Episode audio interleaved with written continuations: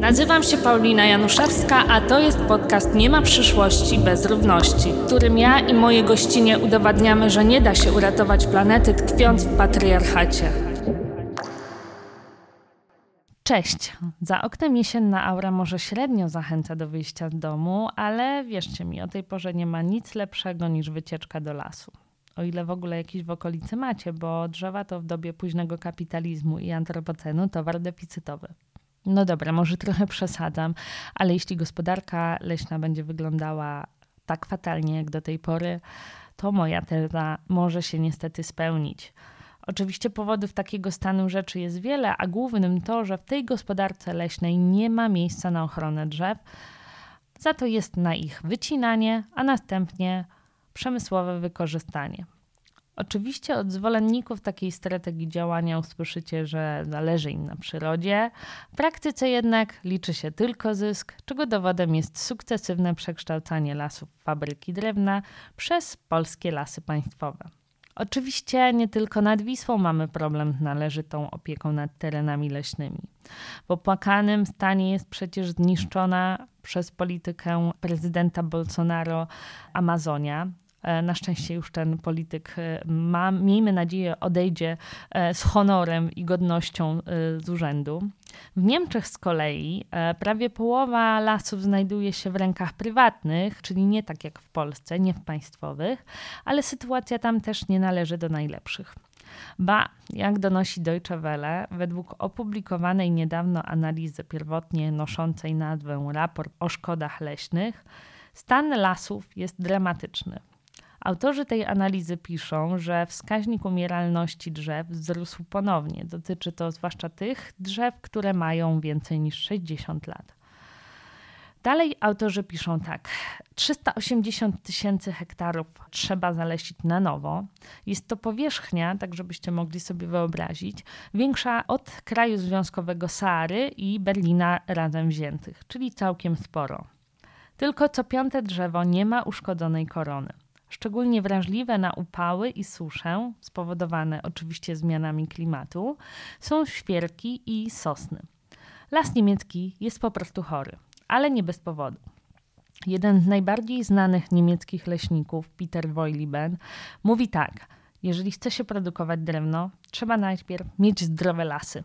Inaczej przemysł leśny upadnie. Obecnie jest tak, że wycinamy najwięcej drzew w ostatnich dziesięcioleciach, tak jakby nie było jutra. Przemysł leśny pracuje podobnie jak przemysł naftowy. Liczy się tylko zysk w najbliższych 10-20 latach. A co będzie potem? No cóż, e, jeśli chodzi o energetykę, e, to tutaj drewno odgrywa istotną rolę. Z pewnością mogłyście e, wielokrotnie usłyszeć na przykład, że spalanie tak zwanej biomasy, czyli drzew i drewnianych odpadów w celach energetycznych, to rozwiązania uznawane powszechnie za zielone. Sama miałam ku temu okazję kilka miesięcy temu w Berlinie, gdzie y, brałam udział y, w warsztatach dotyczących realizacji celów zrównoważonego rozwoju. Powiem o co chodzi niewtajemniczonym. E, mowa o tak zwanych Sustainable Development Goals, czyli 17 wyznaczonych przez Organizację Narodów Zjednoczonych i przyjętych przez wszystkie 193 państwa członkowskie w 2015 roku celów, które świat ma osiągnąć do 2030 roku, między innymi w obszarze ochrony planety i w obszarze przeciwdziałania eskalacji kryzysów ekologicznego i klimatycznego ale do brzegu, a właściwie do Berlina. Wróćmy do warsztatów. E, jednym z gości e, wykładowców, e, z którym mieliśmy okazję mm, rozmawiać i którego mieliśmy okazję słuchać, mowa o wykładowcy z Uniwersytetu Zrównoważonego Rozwoju w Eberswalde, stwierdził on, że spalanie drzew to przykład zielonej energii. Gdy zapytałam go, dlaczego mówi nieprawdę, skoro stosowanie tego surowca nie jest bezemisyjne, e, jest też szkodliwe przede wszystkim środowiskowo i klimatycznie, odpowiedział, że biomasa jest mniej szkodliwa niż palenie węglem. Czyli po prostu jest mniejszym złem, ale wciąż złem, zapytałam. No, w sumie tak, ma pani rację, odpowiedział i oczywiście był e, dość mocno e, zakłopotany. E, no więc trzeba powiedzieć to sobie jasno, że chwalenie biomasy to czysty greenwashing, który niestety ochoczo uprawiają także organy i rządy państw członkowskich Unii Europejskiej. Zezwalają one rzekomo, oczywiście w ramach ochrony środowiska i walki z kryzysem klimatycznym, na wycinki całych połaci lasów i palenie nimi w elektrowniach.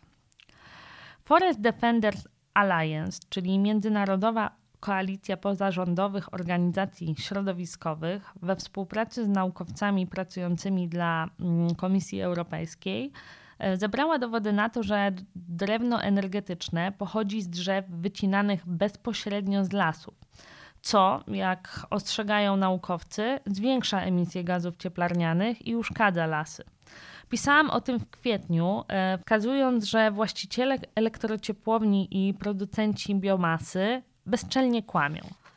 Bezczelnie kłamią dlatego, że powtarzają puste frazesy o zrównoważonym pozyskaniu drewna i zapewniają, że używają do spalania tylko peletu i odpadów startaków, czyli wiórów, zrębków, trocin, etc. Mogą to oczywiście robić, bo działają w granicach prawa, dostają także hojne rządowe i międzynarodowe subsydia i w efekcie puszczają z dymem lasy. Aktywistki i naukowczynie walczą o to, by zakazać takiej polityki, bo wiedzą, jak ważną i cenną pracę drzewa wykonują dla natury i ludzkości. Niektórzy nawet tę pracę wycenili. Na przykład trzy dęby wierzbowe rosnące na Pearl Street e, na nowojorskim Manhattanie wykonują usługi dla miasta warte 409 dolarów 51 centów. Przeczytacie o tym w książce Jana Menzwela Betonoza, e, książce, która ukazała się w wydawnictwie krytyki politycznej. I oczywiście e, mamy też e, inne e, metody liczenia usług leśnych, na przykład polski kalkulator korzyści z drzew, który stworzyły Julia Żuławińska i Łucja Zaborowska. Co z tego wynika? No na przykład to, że 10 klonów o obwodzie mieszczącym się w przedziale 20-50 cm jest w stanie wyprodukować w ciągu dwóch lat około 2 ton tlenu.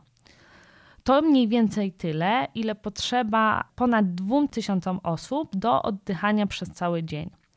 Z obliczeń tych dowiadujemy się, że klony wykorzystują też bardzo dużą ilość węgla i te, które wspominaliśmy, e, są w stanie usunąć ślad węglowy równy 8 km przebytym samolotem, czyli całkiem sporo. Oprócz tego drzewa potrafią odparować 4,5 tysiąca litra wody. Co to nam mówi? No na przykład to, że taka ilość wody ma taki sam efekt chłodzący jak 5 klimatyzatorów pracujących przez 200 godzin.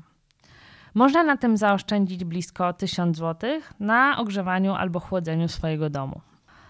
No więc mnie to bardzo przekonuje do e, ochrony lasów, ale pytanie e, brzmi, czy możemy zatem jakoś przeciwstawić się grabieżczej gospodarce leśnej? Nie jest to łatwe, bo jak wylicza pracownia na rzecz wszystkich istot, w Polsce jako obywatelki mierzymy się z brakiem dostępu do wymiaru sprawiedliwości w gospodarce leśnej, brakiem przestrzegania przez leśników wymogów ochrony gatunkowej roślin i zwierząt oraz procederem prowadzenia wycinek lasów bez podstawy prawnej, czyli tak zwanych planów urządzenia lasu, które byłyby e, konsultowane społecznie i e, tak też sporządzane, oceniane i zatwierdzane. O tych planach urządzenia lasu e, powiem za chwilę, a w zasadzie zrobią to gościnie tego odcinka, ale zanim do nich przejdziemy, jeszcze taka ciekawostka, że ostatnio lasy państwowe wydały sporo milionów złotych na konkurs Drewno jest lasu, w którym udział mogły wziąć różne podmioty, głównie pozarządowe i największymi beneficjentami tego mm, projektu, tego konkursu e, były organizacje związane z parafiami kościelnymi, czyli z tego wynika, że bardzo duża część e, tych pieniędzy, którą moglibyśmy przeznaczyć na ochronę lasów, czy zalesianie, czy leczenie e, chorych drzew, Lasy państwowe wydały albo wydadzą w zasadzie na odnowę kościołów drewnianych albo na odnowę ławek. I wiele innych inicjatyw, które oczywiście betonują poparcie dla leśników w poszczególnych lokalnych społecznościach. Problem w tym, że coraz więcej obywatelek oburza się na takie działania. No i też sami leśnicy mogą mieć z tym problem, a na wszelkie inicjatywy, które mają na celu ochronę lasów, reagują przyjmując strategię oblężonej twierdzy. Są przekonani, że ktoś ich atakuje, więc muszą się bronić, muszą się okopywać na swoich pozycjach i strzelać czym tylko mogą. To słowa Marty Jagusztyn z inicjatywy Lasy i Obywatelki, współautorki e, mapy wycinek, której publikacja mocno zelektryzowała opinię publiczną i wkurzyła lasy państwowe. Marta od lat walczy o ochronę lasów i dziś jest ze mną w studiu razem z Hanną Rawską, która e, w e, Lasach i Obywatelkach e, zajmuje się komunikacją i organizacją pracy aktywistów. Dzień dobry. Dzień dobry. Dzień dobry. Bardzo się cieszę, że udało nam się spotkać w tej jesiennej aurze, która nie sprzyja niestety spotkaniom, które przekładałyśmy wielokrotnie, ale w końcu się udało i bardzo się cieszę. I e, zacznę właśnie od e, wywiadu, który wspomniałam e, we wstępie Waszej prezentacji. Ponad rok temu rozmawiałyśmy, Marto, o Waszej interaktywnej mapie, która dość mocno elektryzowała wszystkich, ale też uderzała intensywnością czerwonego koloru, który się na niej znalazł.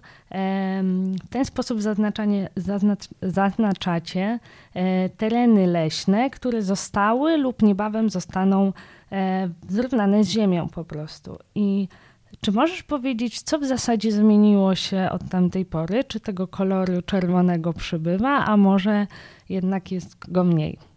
To ja na początku jeszcze cię poprawię, bo potem dostanę po głowie od leśników, że szerzę manipulacje, więc tym kolorem czerwonym jest tak, że kolorem czerwonym zaznaczamy te fragmenty, które mają zostać wycięte. Bądź też e, fragmenty, których fragmenty, fragmenty lasu, których fragmenty mają zostać wycięte. Te, które już zostały wycięte e, w ostatniej dziesięciolatce są zaznaczone na szaro, więc to tak gwoli ścisłości trzeba być ścisłym, bo inaczej y, będzie reakcja ze strony lasów państwowych. Natomiast jeżeli chodzi o Twoje pytanie, to ja rozumiem, że Ty się pytasz o to, co się stało, jeżeli chodzi o obywatelskie zaangażowanie w sprawy lasów i w ogóle jeżeli chodzi o gospodarkę leśną. Ja myślę, że przez ostatnie półtora, dwa lata y, obserwujemy bardzo duży wzrost y, zaangażowania społecznego w to, co się dzieje y, z lasami. My oprócz mapy Rębni, o której wspomniałaś, tej czerwonej, prowadzimy też mapę obywatelskich inicjatyw leśnych. I tam od 2019 roku mamy przyrost razy 10. To znaczy, jak zaczęliśmy, to tam było 30 miejsc w Polsce, które byliśmy, czy byłyśmy w stanie znaleźć. Teraz mamy 320 i nie wyłapujemy wszystkich i wiemy o tym dlatego, bo nagle się okazuje, że ktoś do nas pisze i już od jakiegoś czasu działa i myśmy o nim nie wiedziały. Więc e, ten wzrost jest znaczący i trzeba powiedzieć, że Zwykle osobami, które się angażują, to są e, po prostu przeciętni obywatele, obywatelki, którzy są zaniepokojeni tym, co się dzieje z ich lasem, bądź też szerzej z ich e, przyrodą, za ich własnym płotem w ich własnym sąsiedztwie.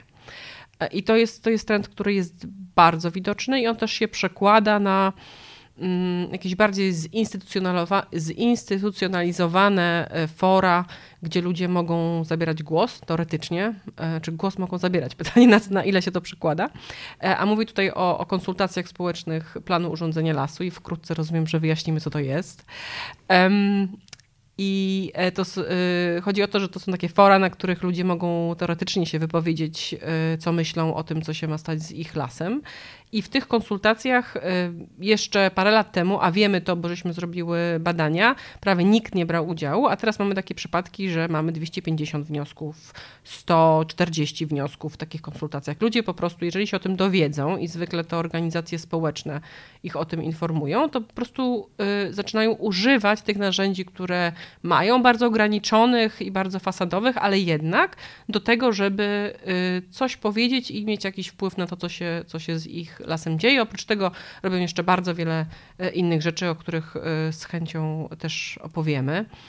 I, i, i się angażują. I to jest, to jest jedna rzecz. Natomiast e, widzimy też, że w związku z tym, że osoby wiele osób się w kwestie lasów angażuje, to, to zaczyna również interesować y, do pewnego stopnia samorządy, polityków, polityczki i to nie tylko takich, takie, nazywamy taką grupę posłanek, nie tylko posłanki leśne, które się bardzo angażują w kwestii lasu, ale również przeciętnych posłów zwykle opozycji i posłanki, którzy, jeżeli przyjdą do nich obywatele, obywatelki, to potrafią złożyć interpelacje, mówić na temat lasów w sądzie, w Sejmie, przepraszam, i Mm, I to też w ten, sam, w ten sposób ten temat wchodzi do jakiegoś takiego mainstreamu e, politycznego i, i do mediów. Także zmiany są e, duże, ale jeżeli chodzi o sam sposób podejścia do gospodarowania lasami, czy system, który, który w pewien sposób e, trzyma nasze lasy i naszą, naszą przyrodę jako zakładnika, a mówimy o jednej czwartej powierzchni tego kraju, to jeszcze tam się bardzo dużo nie zmieniło. Aczkolwiek Lasy państwowe w pewien sposób rozpoznały kwestię tego, że e, ludzie są bardziej zainteresowani lasami i 1 września bieżącego roku weszło w życie zarządzenie dyrektora generalnego Lasów Państwowych, które mówi o tym, że e, pewne kawałki lasów mają teraz zostać lasami społecznymi. To trochę jest y, dziwne, dlatego, bo wszystkie nasze lasy są, pełnią teoretycznie trzy funkcje: lasy publiczne, y, społeczne, społeczną funkcję przyrodniczą i gospodarczą.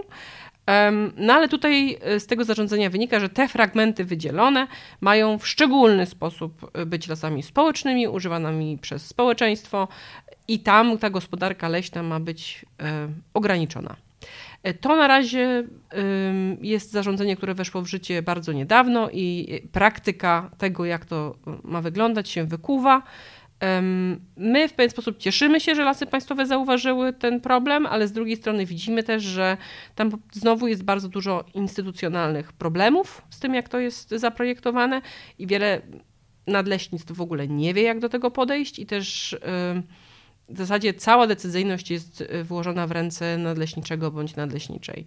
Więc y, tutaj z tym też, też są pewne problemy i to nie jest w żaden sposób rozwiązanie kwestii um, obywatelskiego wpływu na lasy, czy też w ogóle większego problemu tego, jak my do zasobów przyrodniczych czy przyrody szerzej, a w szczególności lasów podchodzimy.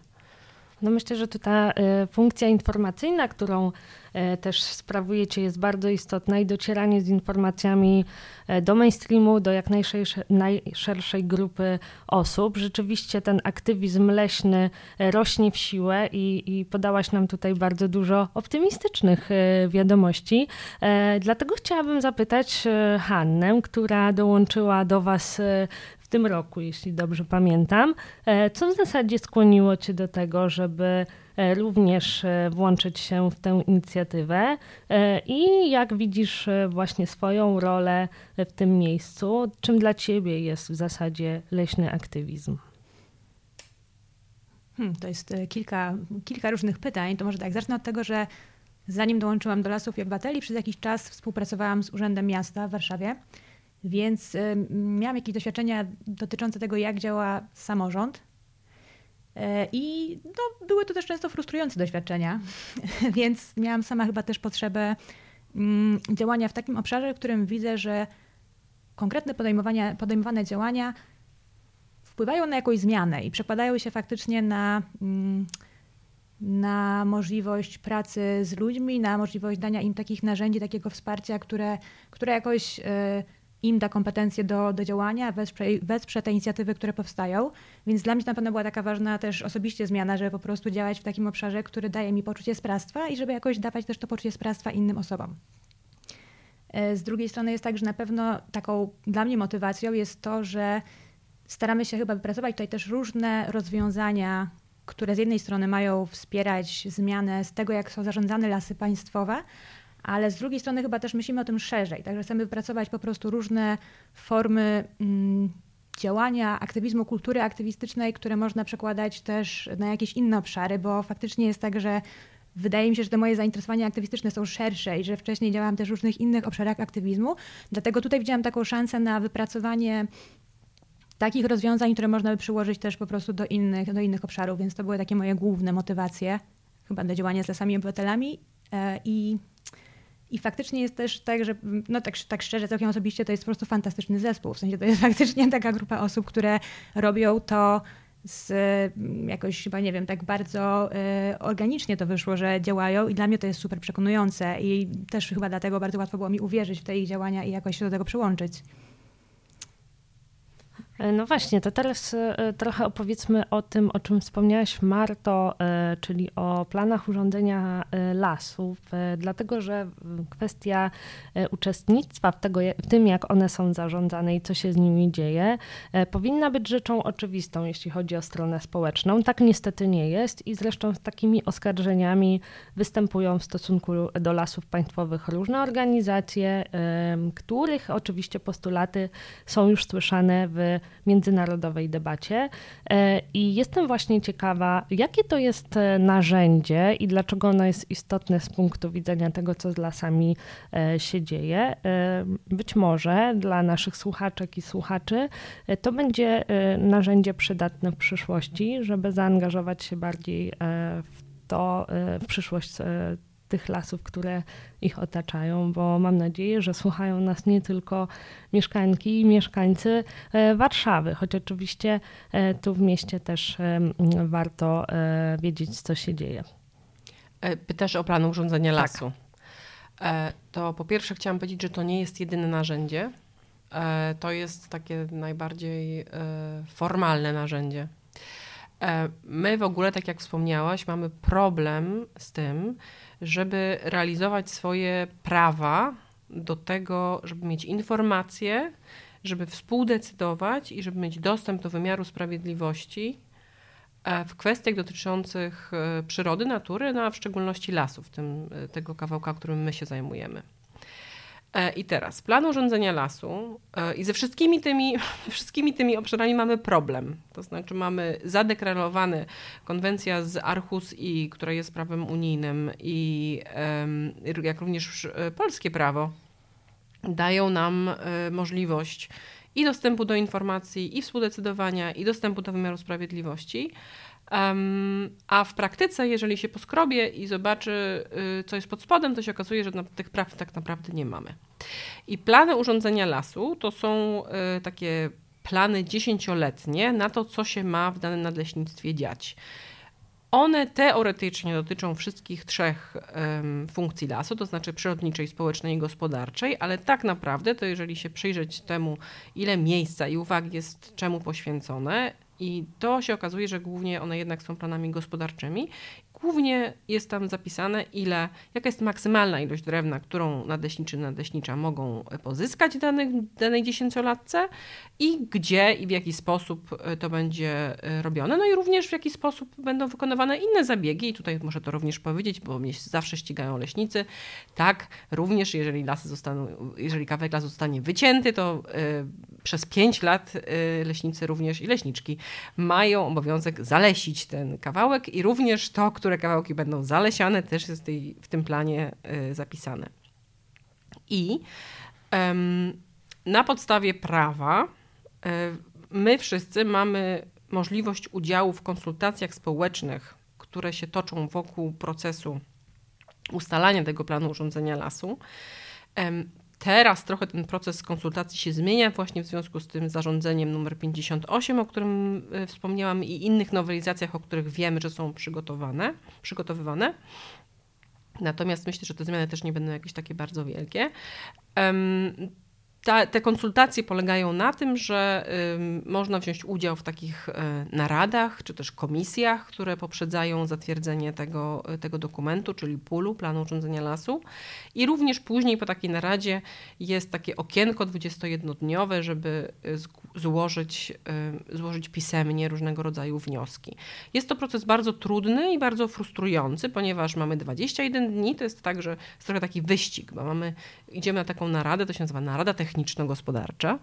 Na takiej naradzie są prezentowane pewne fragmenty już zatwierdzonego, już przygotowanego dokumentu, jeszcze nie jest zatwierdzony, jest przygotowany. Natomiast pełen tekst dokumentu poznajemy dopiero, kiedy zaczną się te konsultacje y, społeczne i mamy tylko 21 dni, żeby przeczytać kilkaset stron, które są zapisane y, żargonem, również często skrótami, y, które nie są nigdzie rozszyfrowane. Musimy to przeczytać, przeanalizować i wysnuć swoje, swoje wnioski. Um, I jeszcze bardzo często leśnicy wymagają, żeby te wnioski pisać w ich języku. Znaczy my, my zalecamy, że to nie, nie jest konieczność, należy pisać w języku naturalnym, ale oni czasem się czepiają.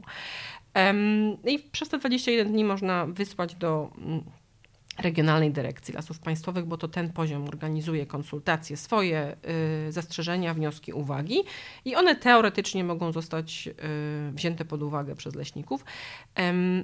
Bardzo w historii, czy przez ostatnie parę lat, które żeśmy badały, y, większość tych uwag była po prostu odrzucana pod bardzo różnymi dziwnymi pretekstami, a czasem w ogóle bez pretekstów.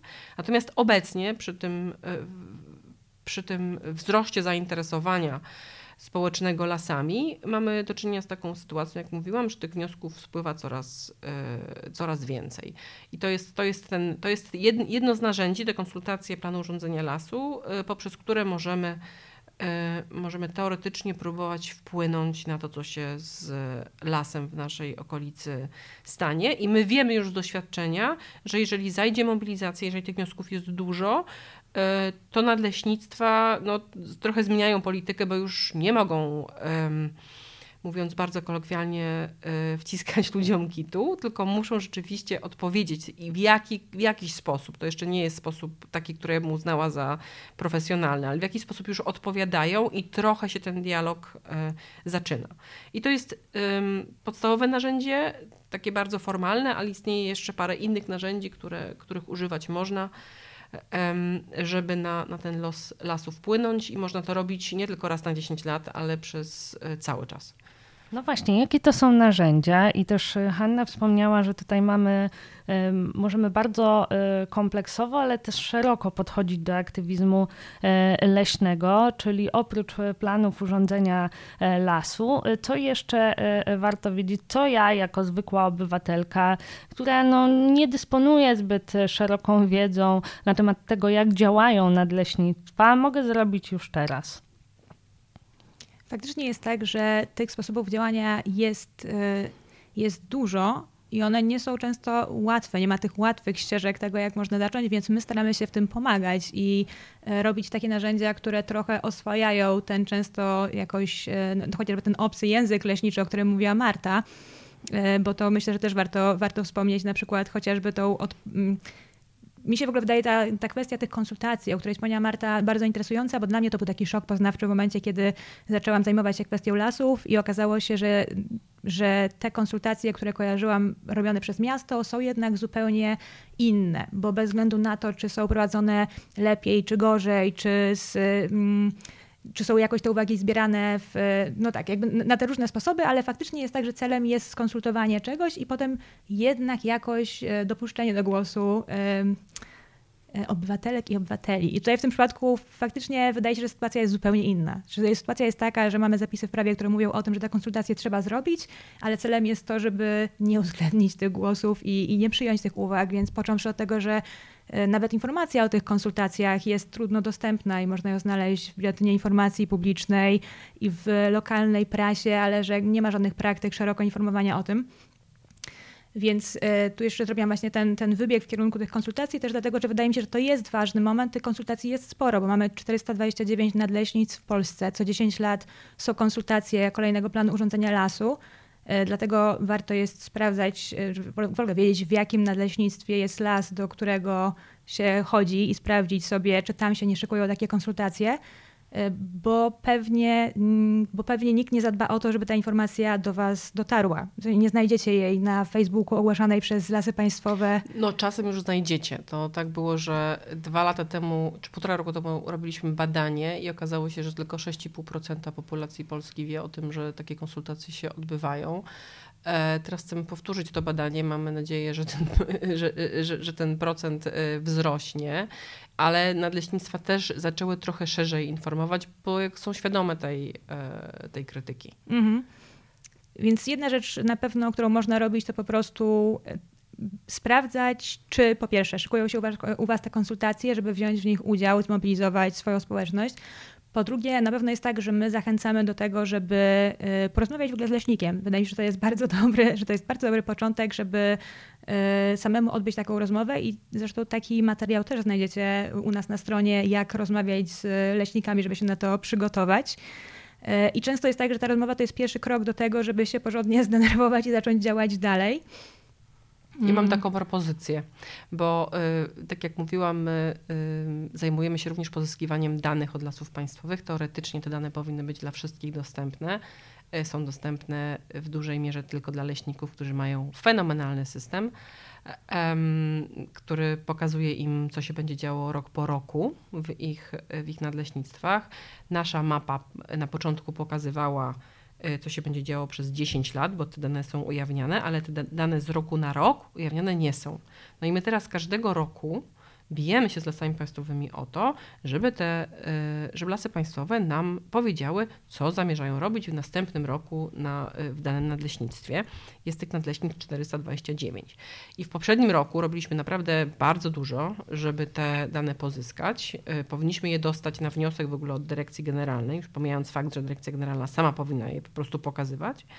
E, to się nie udało. Potem wspierała nas posłanka Gosek Popiołek, e, która wybierała się chyba trzy razy do, do dyrekcji generalnej i ostatnim razem, pomimo tego, że wnioskowała o dane w, w, w formie cyfrowej, to dostała po prostu od, za trzecim razem dostała wydruk z całego systemu informatycznego lasów państwowych, więc ile papieru na to poszło, to nie wiem. I oczywiście to, to była taka gra w kotka i myszko, nie wiedzieli po co, po co wnios- że, że, że Daria Gosek-Popiołek wnioskuje y, dla nas o te dane.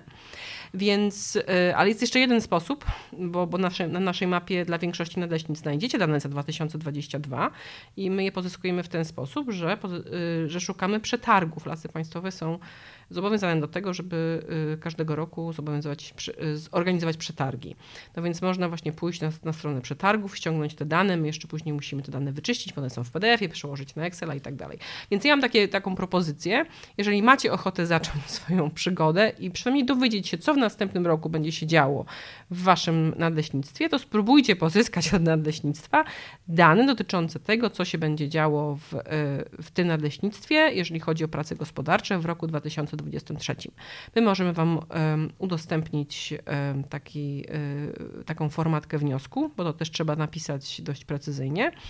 No i spróbujcie o, te dane zawnioskować. To jest już udowodnione wyrokiem sądu, bo mamy wiele wyroków sądu, które, w których, które po prostu wygraliśmy sprawy w sądach administracyjnych. Mamy wyrok sądu, który mówi, że to jest informacja o środowisku. Więc to jest takie pierwsze ćwiczenie. Jest też tych ćwiczeń e, znacznie więcej, e, począwszy od tego, że zachęcamy do pójścia w teren i na przykład poszukania drzew dziuplastych. To jest jedna z metod ochronienia też drzewa przed wycinką, ponieważ drzewa dziuplaste nie mogą być wycinane, ale jakoś dziwnym trafem często te dziuple nie są dostrzegane e, przez samych leśników, którzy powinni je dostrzec, więc możecie sami pójść poszukać tych drzew dziuplastych i zgłosić do nadleśnictwa, gdzie one się znajdują. Oczywiście tych rzeczy, które możecie robić oddolnie jest więcej, tak jak zgłaszanie drzew pomnikowych, więc jest ileś takich metod, które można podjąć wtedy, kiedy nie udaje się na przykład poprzez nacisk na leśnictwo wpłynąć na to, jakie są plany e, na te kolejne 10 lat. No i to jest jeszcze właściwie ważna bardzo informacja, że oczywiście nie tylko i wyłącznie raz na 10 lat należy się zaangażować w te konsultacje, ale mimo tego, że nadleśnictwo może twierdzić inaczej i twierdzić, że w momencie, kiedy ten zatwierdzony pól, plan urządzenia lasu już trwa, to nie można go zmienić, no to oczywiście nie jest to prawda i można to zmienić. Więc do nas w zasadzie często zgłaszają się osoby, które widzą, że coś niepokojącego dzieje się z ich lasem, widzą, że szykuje się jakaś wycinka, albo widzą to na naszej stronie, albo widzą to w terenie i pytają się też, co można zrobić w momencie, kiedy to nie jest koniec trwania tego dziesięcioletniego planu urządzenia lasu.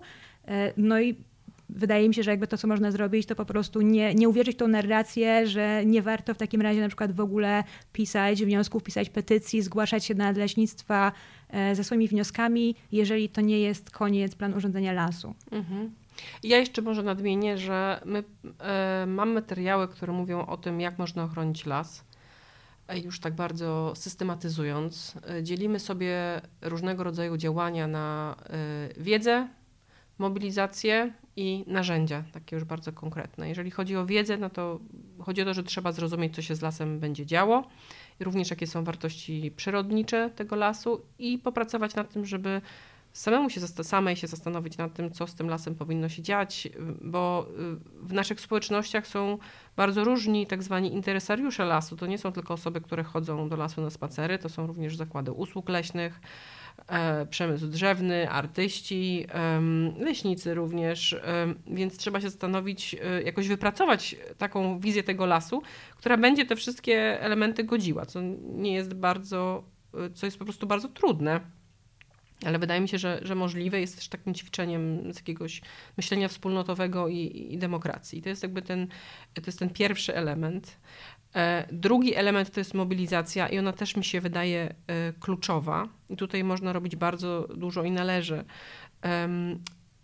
Ja bym zaczęła od tego, żeby w ogóle stworzyć grupę, która będzie razem działała na rzecz danego fragmentu lasu, lasu wokół jakiejś miejscowości. Samemu samej tego się zrobić nie da. To jest po prostu bardzo, bardzo dużo pracy. E, bo my w tym momencie próbujemy zmienić system oddolnie, pokazując, że on nie działa, ale równocześnie mamy te swoje lasy, które chcemy ochronić i jeżeli nam je wytną, to się trochę zdemotywujemy, więc e, potrzebujemy grupy, która będzie się również wspierała, gdzie podzielimy sobie obowiązki i to też jest dobre ćwiczenie, bo później się można również zająć innymi rzeczami, nie tylko lasem. E, oprócz tego, że mamy taką grupę, warto jest zmobilizować szerszą społeczność. Tutaj możemy tworzyć petycje, Możemy organizować wydarzenia leśne, jakieś performanse i na, na każde takie działanie znajdziecie u nas yy, poradnik. Także zgłoście się, mamy na Facebooku taką grupę, która się nazywa Jak chronić las i tam robimy taki, coś w rodzaju takiego kursu. I jeżeli chodzi o, o mobilizację, no to ważne jest oczywiście jeszcze um, prowadzenie różnego rodzaju mediów społecznościowych, no i praca z bardziej um, tradycyjnymi mediami, to się też zawsze przydaje. I a zapewne pytasz tak e, najbardziej o, te, o ten ostatni kawałek, czyli o narzędzia, to już to jest takie specyficzne dotyczące lasów i to też lasów e, publicznych. No to e, po pierwsze, tak jak wspominała Hanna, trzeba się nauczyć, jak rozmawiać z leśnikami. To nie jest bardzo proste, bo to jest, to jest trochę inna kultura. I silna y, organizacja, bardzo hierarchiczna, patriarchalna, nieprzyzwyczajona w ogóle do dialogu, w ogóle nie rozumiejąca tego, że tak naprawdę ma funkcję służebną że jest zarządcą, powinna słuchać y, społeczeństwa. Także to i też stosująca wiele takich chwytów retorycznych, które po prostu trzeba rozbrajać. One są dość proste do rozbrojenia, ale trzeba je rozumieć i znać. W naszym poradniku bodajże jest ich 15. Cały to jest żyjący dokument, także jeżeli macie jakieś nowe argumenty, spotkacie, to nam y, wrzucajcie. To jest pierwsza rzecz. Druga rzecz, oczywiście branie udziału w konsultacjach y, społecznych planu urządzenia lasu, ale też wspominała Hanna, szukanie drzew dziuplastych, szukanie drzew, szerzej drzew biocenotycznych, czyli takich, które mają taką dużą wartość e, przyrodniczą. Małe formy ochrony przyrody to są pomniki przyrody, ale również użytki ekologiczne, zespoły e, przyrodniczo-krajobrazowe. Oprócz tego w, niek- w większości nadleśnictw obowiązuje jeszcze certyfikacja FSC, Forest Stewardship Council, i która też daje um, społecznościom coś daje im do powiedzenia w kwestii monitorowania gospodarki, e, gospodarki leśnej. A dodatkowo jeszcze mamy pewne ścieżki prawne. Znowu jest problem z tym, że jeżeli plan urządzenia lasu jest niezgodny z prawem, to w sądzie administracyjnym go nie uda nam się zaskarżyć. Taka jest dziwna praktyka, w wyniku której e, Polska już, e, sprawa Polski została wysłana przez Komisję Europejską do TSUE i no, czekamy na, na wynik tego ale w związku z czym droga administracyjna jest zamknięta, ale jest już, są już w Polsce y, miejsca i przypadki, gdzie y, społeczności bądź organizacje przyrodnicze wykorzystują drogę cywilną y, w walce o las, musząc trochę być kreatywne, bo ta podstawowa droga administracyjna jest zamknięta. I to też daje się zrobić. Mamy parę przypadków tak zwanych zabezpieczeń, czyli te sprawy się jeszcze nie skończyły, ale do czasu, aż wyrok zapadnie, lasy żyją i ciąć w nich lasy państwowe nie mogą. Więc to też jest taka ścieżka, którą można pójść, ale tutaj to jest taka już ścieżka trochę bardziej zaawansowana. I wydaje mi się, że wymieniłam prawie wszystko. Możliwe, że jeszcze jakieś narzędzia mi utknęły, umknęły, ale zapraszamy na, na kurs, to tego tam się wszystkiego dowiecie. No myślę, że to jeszcze może wyjść w trakcie naszej rozmowy. Ja bym się chciała troszeczkę bardziej zatrzymać nad tymi rozmowami z leśnikami. Być może też trochę, żebyśmy porozmawiały o argumentach, e, których można użyć. Być może możecie podać jakieś e, ciekawe przykłady e, tutaj, jak rozbroić leśnika, to po pierwsze. A po drugie trochę chciałam wystąpić w roli adwokatki diabła. To znaczy, mówicie o tym, że to taki bardzo trudny, patriarchalny, hierarchiczny system, e, który ciężko przebić i ci ludzie często nie potrafią e, prowadzić dialogu.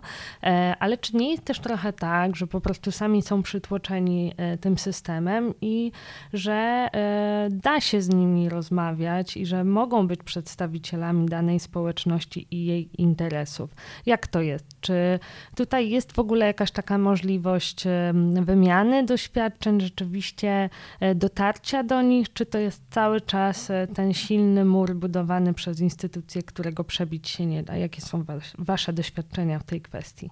Są dwa konteksty rozmowy z leśnikiem i w zależności od kontekstu treść rozmowy bardzo się różni. Jest kontekst formalny i kontekst nieformalny.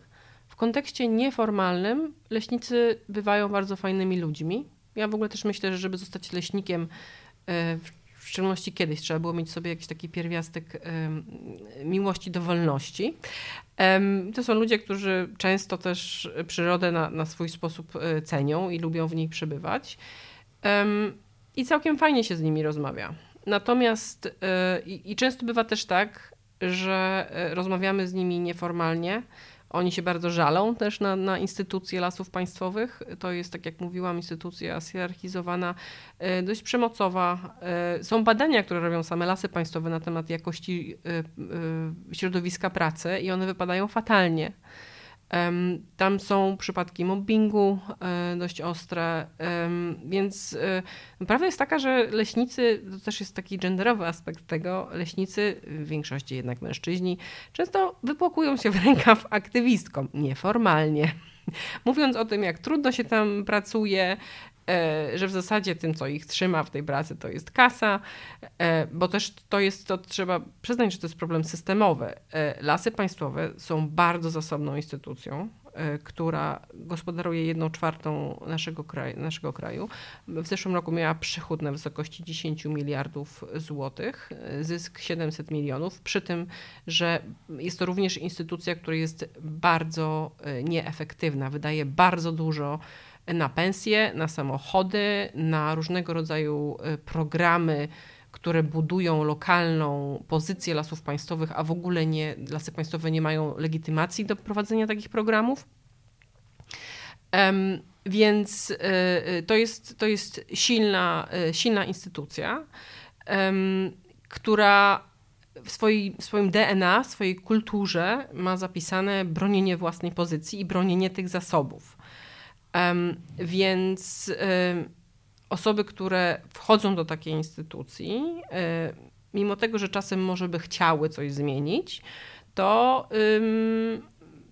to mają pod górkę i, i w zasadzie nie odważają się. Znaczy, ja uważam, że leśnicy, że to tak naprawdę nie jest e, to nie zadanie aktywistów, aktywistek, którzy, się, którzy kochają przyrodę, żeby zmieniać e, kulturę lasów państwowych. My, my dążymy do systemowej zmiany, natomiast leśnicy może sami powinni się troszeczkę zbuntować i, i próbować tę instytucję e, zmienić, ale ona tak silnie formatuje i tak bardzo tak naprawdę zastrasza, że w sytuacjach formalnych y, z leśnikami rozmawia się bardzo trudno. Znaczy, wydaje mi się, że, że można. Można też y, często używać humoru, y, rozbrajać te sytuacje, które są bardzo takie formalne, nadęte i są jakimś wykonywaniem władzy. To jest takie, taka władza nad, nad przyrodą i nad ludźmi, która jest taka dobroduszna, sama się uważa za ekspercką, ale tak naprawdę nikogo nie słucha.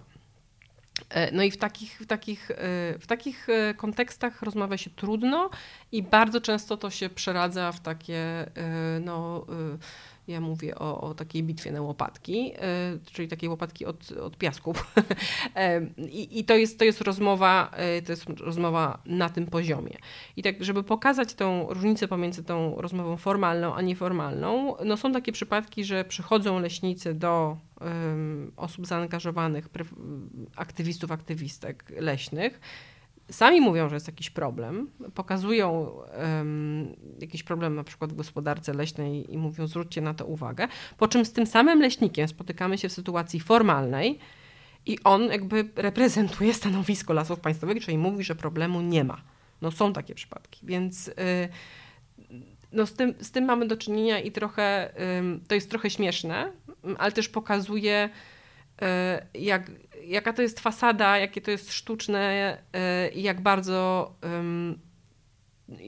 w sferze deklaratywnej nie pojawia się bardzo wiele interesów, bardzo wiele kwestii, które tak naprawdę, naprawdę formują to co, to, co, robi, to, co robią lasy państwowe, a, a tą główną kwestią to, jest, to są nie tylko pieniądze, bo dużo się mówi o tym, że, że lasy państwowe dążą do maksymalizacji zysku, Um, ale państwowe tak naprawdę dążą do maksymalizacji swoich wpływów i, um, i władzy tak naprawdę, władzy nad, e, nad jedną czwartą kraju, ale również nad tym, w jaki sposób my jako ludzie e, mamy relacje z przyrodą. I to jest, to jest dość ciekawe, w jaki sposób leśnik mnie na przykład tłumaczy, w jaki sposób realizuje się funkcja społeczna lasu i że on mi musi postawić tutaj tablicę informacyjną.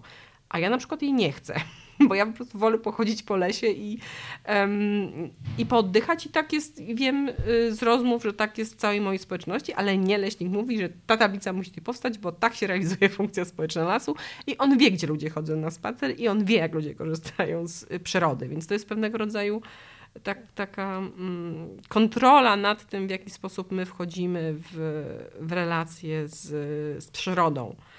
Um, tak, więc y, trochę popłynęłam, ale rzeczywiście ten, te różnice kulturowe pomiędzy um, przeciętnymi ludźmi, a, a tą kulturą leśniczą są, y, są bardzo duże. To ja może jeszcze dodam, że na pewno dobrze jest roz, przystępując do tych rozmów, e, mieć jednak też właśnie jakieś takie zaplecze, żeby w razie czego niektóre argumenty retoryczne móc rozbroić. E, bo często jest tak, że osoby z lasów państwowych chcą wejść w tą rolę ekspertów, którzy odbierają innym osobom możliwość zabrania głosu.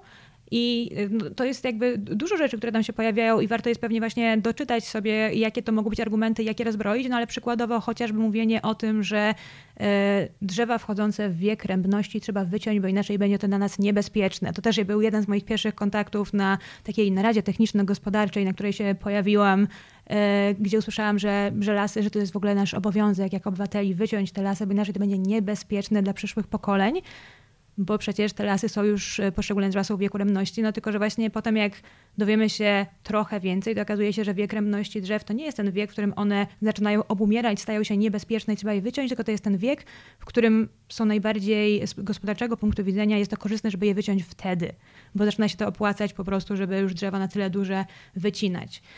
Więc niestety jest tak, że trochę trzeba się uzbroić w umiejętność niektórych takich argumentów jakoś rozbrojenia i zrozumienia, bo też one są wypowiadane w naszą stronę z bardzo dużą pewnością siebie i wypowiadane w różnych, e, w różnych miejscach. Czyli to nie są tylko i wyłącznie sytuacje, w których my wchodzimy aktywnie w Mm, dyskusje z leśnikami i słyszymy takie argumenty. To jest też na przykład sytuacja, w której my organizujemy spotkania dla społeczności, dla aktywistów i leśnicy też ochoczo na te spotkania przychodzą po to, żeby wypowiedzieć tą swoją narrację. I trochę jakby odbierając nam możliwość na przykład właśnie um, prowadzenia e, rozmowy i dyskusji w taki sposób, jak... jak to e, się do końca nie udaje. To się do końca nie udaje, tak, bo właśnie tak jak mówiła Marta, często jest tak, że można po prostu humorem jakoś e, roz, rozbić tą ich narrację i oni też często na to nie są mm, do końca przygotowani, że ktoś powie do nich, ale panie Zdzisławie, możemy się tutaj pięknie różnić w temacie wieku rębności, już jakby wychodzą z tej roli, w której są i nie wiedzą, jak tam do końca wrócić. Ale, ale z drugiej strony wydaje mi się, że to jest, no bo pytałeś też o to właśnie, o tą instytucję, o to, na ile oni sami są trochę zamknięci, ograniczeni tą ramą, którą sobie stworzyli.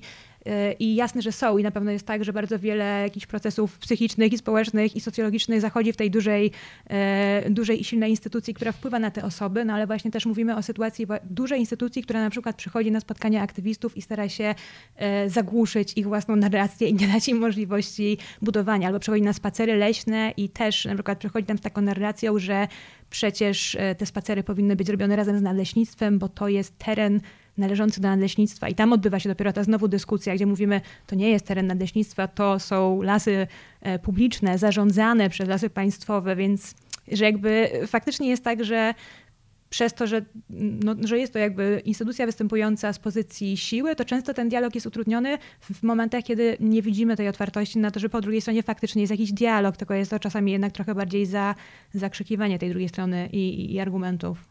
Więc myślę, że to jest coś, co po prostu jest trudne. Do, że pracujemy nad tym, żeby to jakoś przekroczyć, ale to wymaga dużo, e, dużo naszego wkładu jakby też aktywistycznego, żeby jakoś nad tym pracować.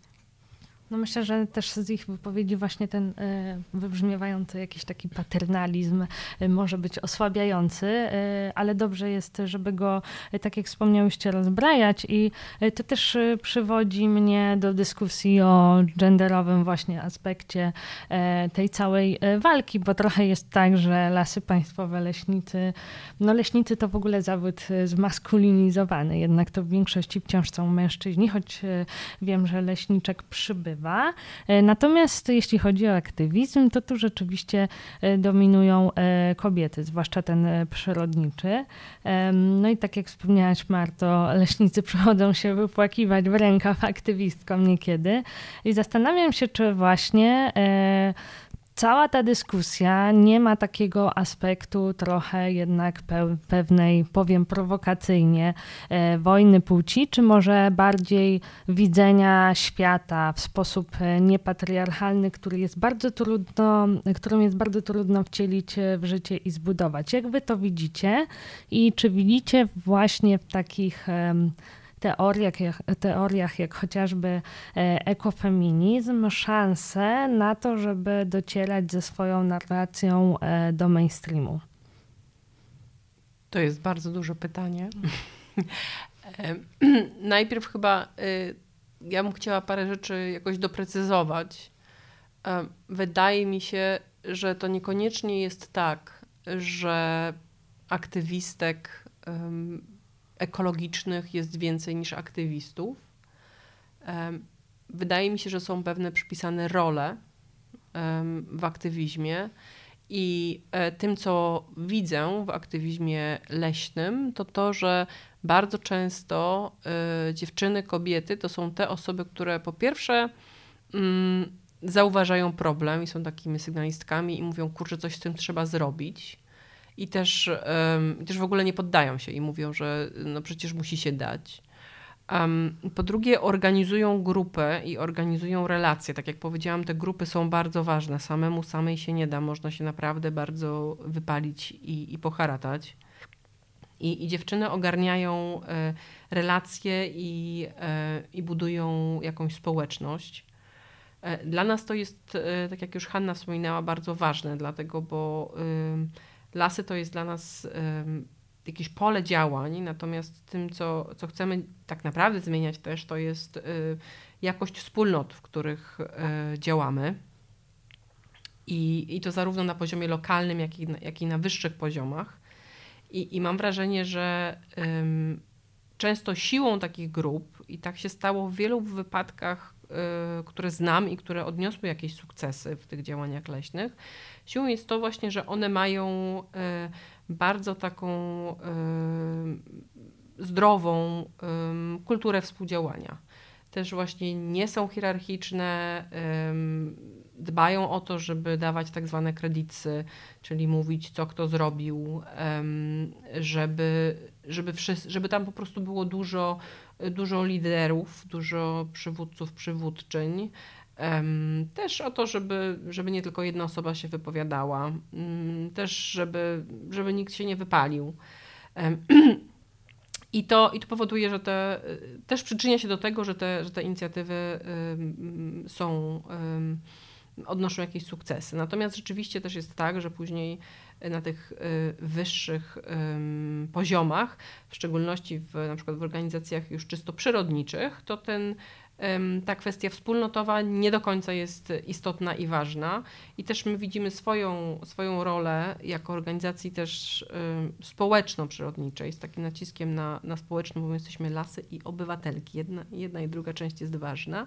E, widzimy swoją rolę w tym, żeby, żeby promować taką y, tą wspólnotę, którą tworzy ten las, i, i te wartości i jakoś sprawiać, by, by te wartości też przesuwały się, przesuwały się wyżej.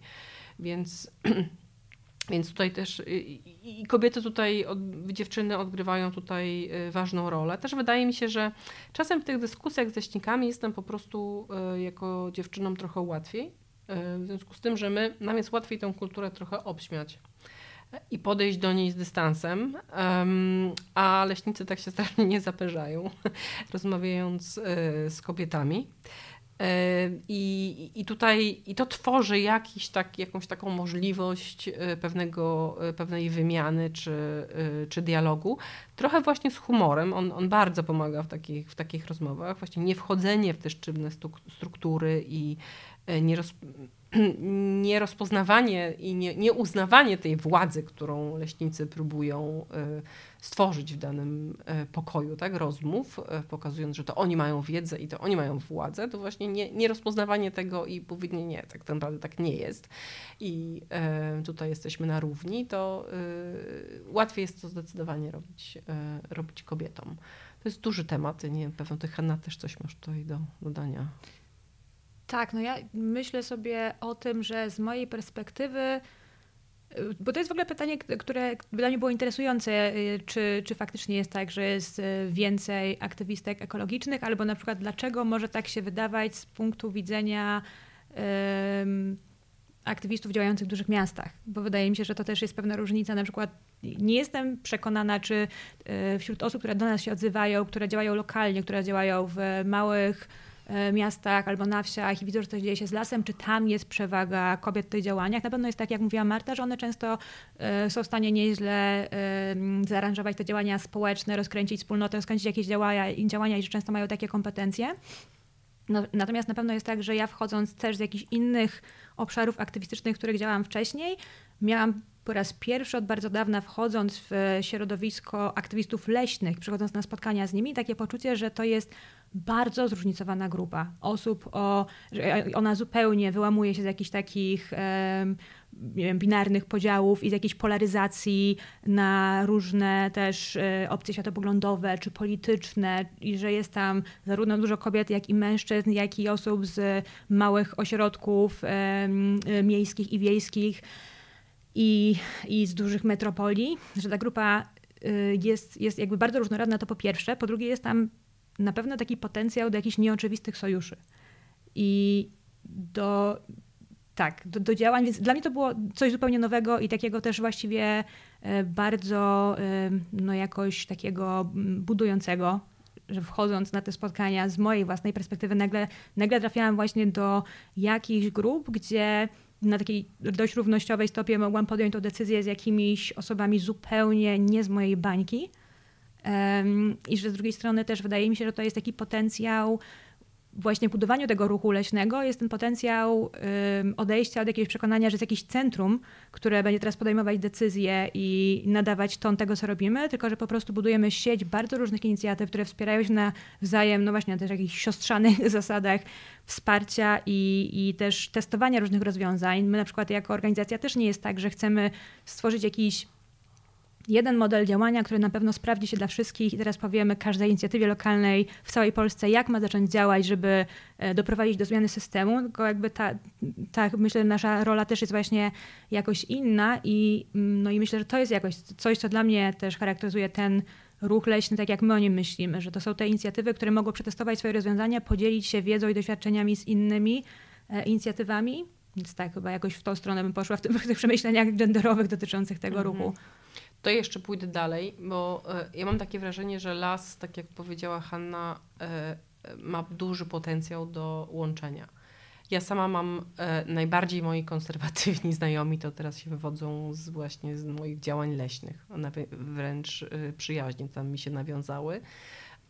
No i to jest, to jest fajna platforma do tego, żeby, żeby sobie poćwiczyć, jak to jest współdziałać z kimś, kto jest tak inny i ma, znaczy ma po prostu bardzo inne poglądy na inne sprawy, natomiast ten las y, jakoś nas łączy i działamy dalej, działamy wspólnie.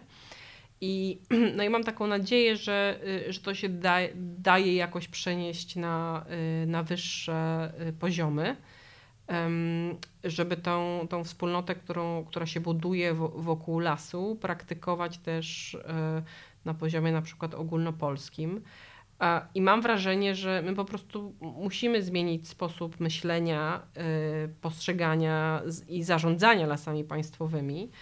I bardzo bym, ja, ja słyszę też te, y, w rozmowach, y, rozmawiając z organizacjami przyrodniczymi, też trochę taki, taką chęć, żeby no wrócić do tego, co było, y, też taką chęć, żeby tam z decydentami sobie przy, przy whisky i cygarach trochę czasem, znaczy to, to już tutaj trochę um, przesadzam, ale próbuję pewien taki, pewne odczucie wyrazić, um, żeby po prostu z tymi decydentami zadecydować i już. E, że czasem niektórych ludzi to trzeba przekupić, no padają takie stwierdzenia, a ja się z nimi nie zgadzam i mam wrażenie, że potrzebujemy nowej jakości e, rozmowy i współdziałania e, i wspólnoty. Las daje taką możliwość i w ogóle przyroda, w związku z tym, że są dla nas tak ważne w czasach katastrofy klimatycznej, żeby coś takiego nowego zbudować, no i, i, i to próbujemy robić.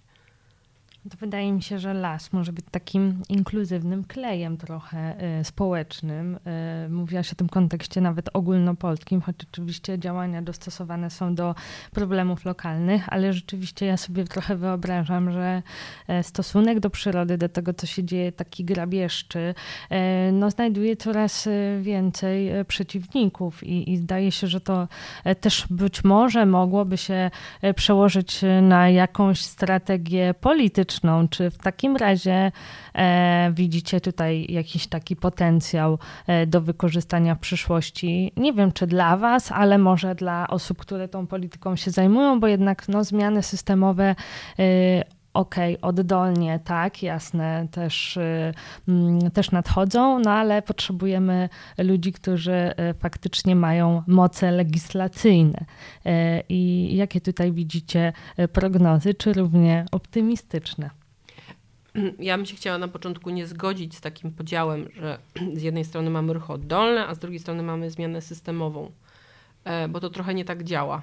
E, ja mam wrażenie, że w ogóle mówimy o tej więcej o tej konieczności zmiany systemowej, dlatego że mamy ruchy oddolne.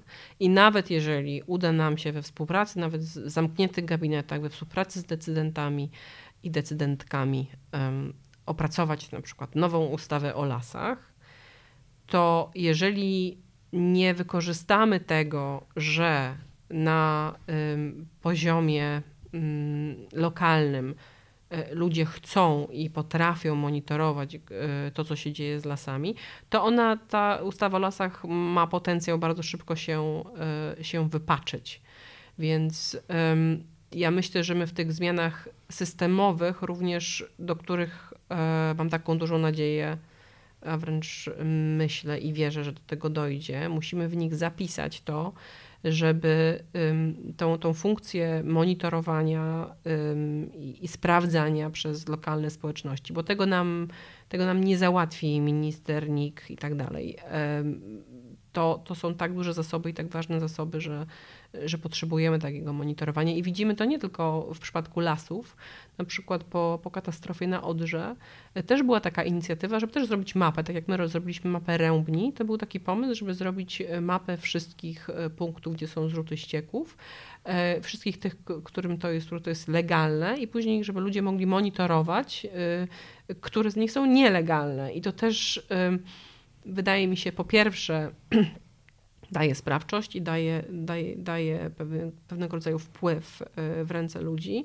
A po drugie jest super narzędziem, który, e, który sprawia, że te, te nasze systemy przestają być fasadowe, tylko może wreszcie jakoś tam zaczną działać. I w tym, w tym widzę bardzo duży potencjał. A jeżeli chodzi o, o zmianę y, systemową i, i zaangażowanie polityczek i polityków w to, to y, tak, ja mam bardzo dużą nadzieję, że to y, jeszcze bardziej się przebije do, do mainstreamu politycznego, bo już zaczęło się przebijać.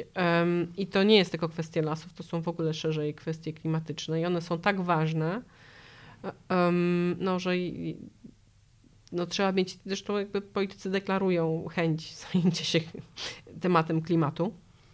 Więc mam nadzieję, że, że, że kwestie lasu też zostaną dostrzeżone, aczkolwiek znowu mamy do czynienia z, głównie z lasami państwowymi, które również przygotowują się do, na przykład do wyborów e, i mają olbrzymie zasoby do tego, e, żeby e, z politykami współpracować, pomagać im w kampanii w różne nieoczywiste sposoby, więc, no więc nie tylko my o tym myślimy. Tak, ale w ogóle tych poziomów jest dużo, no bo z jednej strony jest tak, że mamy polityki europejskie, które mogą wpłynąć na to, co będzie działo się z lasami w Polsce. E, mamy oczywiście ten poziom e, ogólnokrajowej polityki, ale też mamy samorządy, które często nie zdają sobie sprawy z tego, że mogą w większym stopniu wpływać na, na to, co dzieje się z lasami. Więc to, z tej perspektywy w ogóle też e, myślę, że warto pracować ze swoimi samorządowcami, żeby e, po pierwsze ich uświadamiać, po drugie motywować, żeby się tym zajmowali, ale też no właśnie, że te, te wszystkie poziomy, tak jak mówi Marta, chyba, mm, że, że same te poszczególne poziomy nie spowodują, że dojdzie do jakiejś zmiany, jeżeli nie będziemy mieli tego przekształcenia w, w, społeczeństwie myślenia o przyrodzie i po prostu o zasobach naturalnych, którym dysponuje państwo i tego, że jednak to jest coś, za, to, za co jesteśmy wszyscy współodpowiedzialni, więc bez chyba tego, bez tej kontroli społecznej, bez tego, bez tej współodpowiedzialności za to chyba, chyba tej zmiany też politycznej nie będzie, po prostu nawet jeżeli zajdzie jakaś zmiana na poziomie ustawy.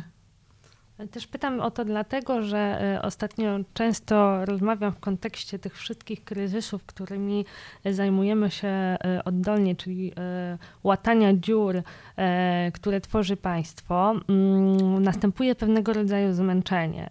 Zmęczenie czują na przykład aktywistki aborcyjne, zmęczenie czują osoby pomagające uchodźczyniom, bo to głównie kobiety z Ukrainy, czy też takie odczuwaliśmy i odczuwałyśmy nastroje e, w czasie pandemii, chociażby szyjąc maseczki robiąc różne inne rzeczy, i że trochę Polska zmienia się właśnie w takie miejsce, w którym e, wszystko spoczywa na rękach obywateli i zastanawiam się, czy wy nie czujecie pewnej frustracji czasami, co was w zasadzie też frustruje w waszym aktywizmie, bo to się prędzej czy później zdarza i kiedy tej zmiany politycznej nie ma, kiedy ona nie nadchodzi, mamy takie, no dobra, no jakby łatamy te dziury, ale wciąż e, wciąż e, lasy państwowe trzymają właśnie, tak jak wspomniałyście wcześniej, przyrodę za zakładniczkę.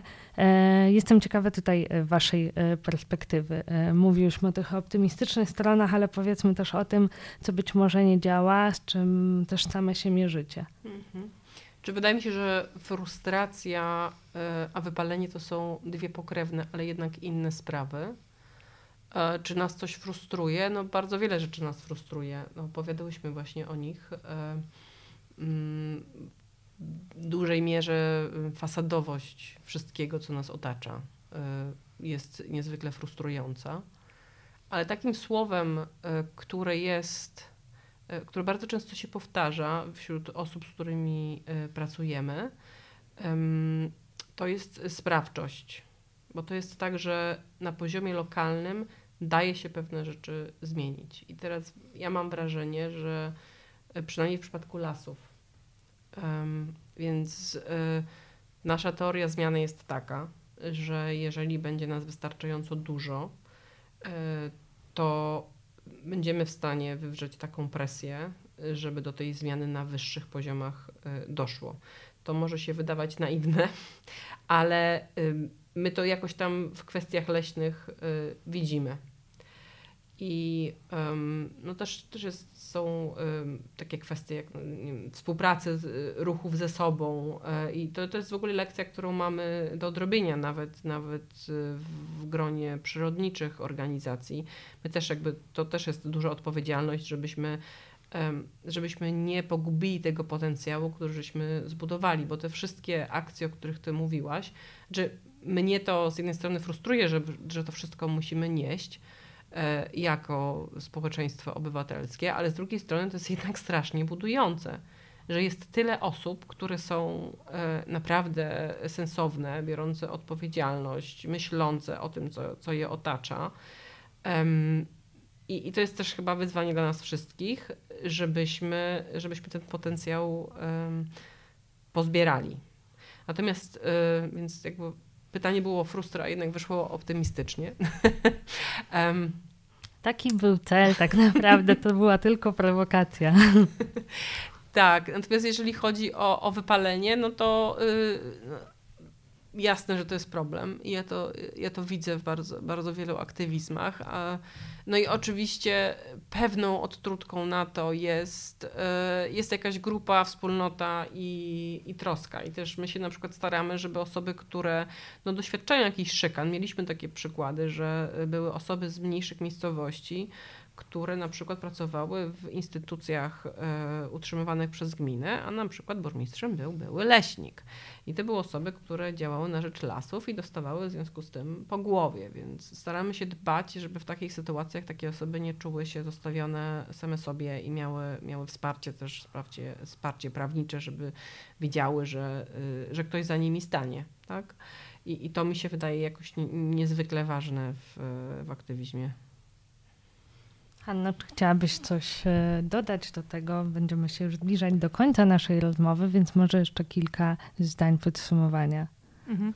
Tak, bo ja myślę, że, e, no, że faktycznie taką rzeczą, o której też e, jakoś ja myślałam sobie jako o frustrującej części zmagania się na przykład z lasami państwowymi jest to, że e, no z jednej strony tam po prostu brakuje mechanizmów kontroli i my staramy się je też narzucić tej instytucji i wypracować, ale faktycznie e, myślę, że, że trochę częściowo zmagamy się z tym, co aktywiści z innych obszarów, czyli często takim poczuciem, że reszta społeczeństwa nie do końca dostrzega skalę problemu na przykład i że w związku z tym czujemy się wtedy trochę zostawieni sami sobie. I jasne, że jest tak, tak jak mówiła Marta, że jakby ta skala zrozumienia, e, jaki jest problem, jest coraz większa, że zainteresowanie mediów jest większe, że jest coraz więcej inicjatyw, ale dalej wydaje się, że biorąc pod uwagę, jak z naszej perspektywy istotny jest to problem, że mówimy o instytucji, która właśnie, że to jest jedna czwarta terytorium kraju, tak, jakby więc, że to jest z naszego punktu widzenia coś e, naprawdę dużego, co dotyczy nas wszystkich że jednak e, to często wpada do takiego worka, na przykład w mediach,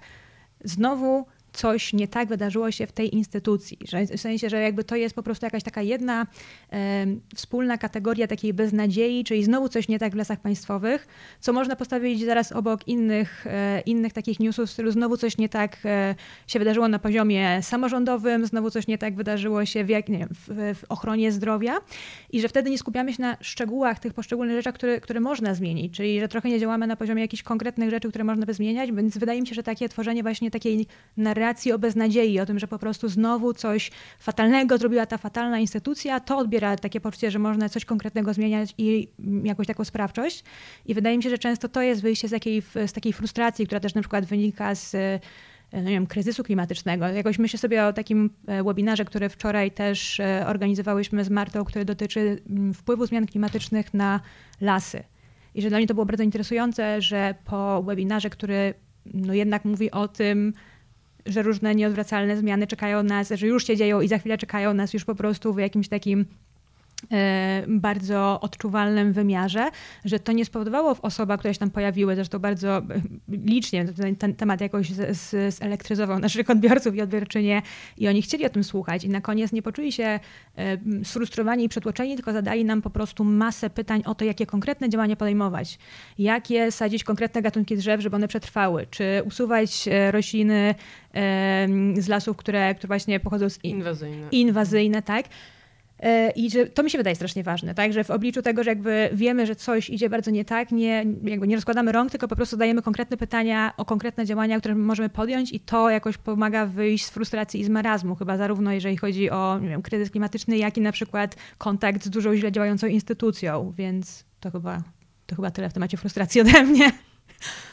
To ja bym tylko dodała, że wszystkie ręce na pokład i, i, że rzeczywiście mamy tutaj e, sporo do zrobienia. Bardzo Wam za tę rozmowę dziękuję, bo wydaje się niezwykle inspirująca i e, odsyłam nasze słuchaczki, słuchaczki słuchaczy do Waszej strony, e, gdzie znajdą instrukcje, jak walczyć o swoje lasy, no bo to zadanie oczywiście dla nas wszystkich.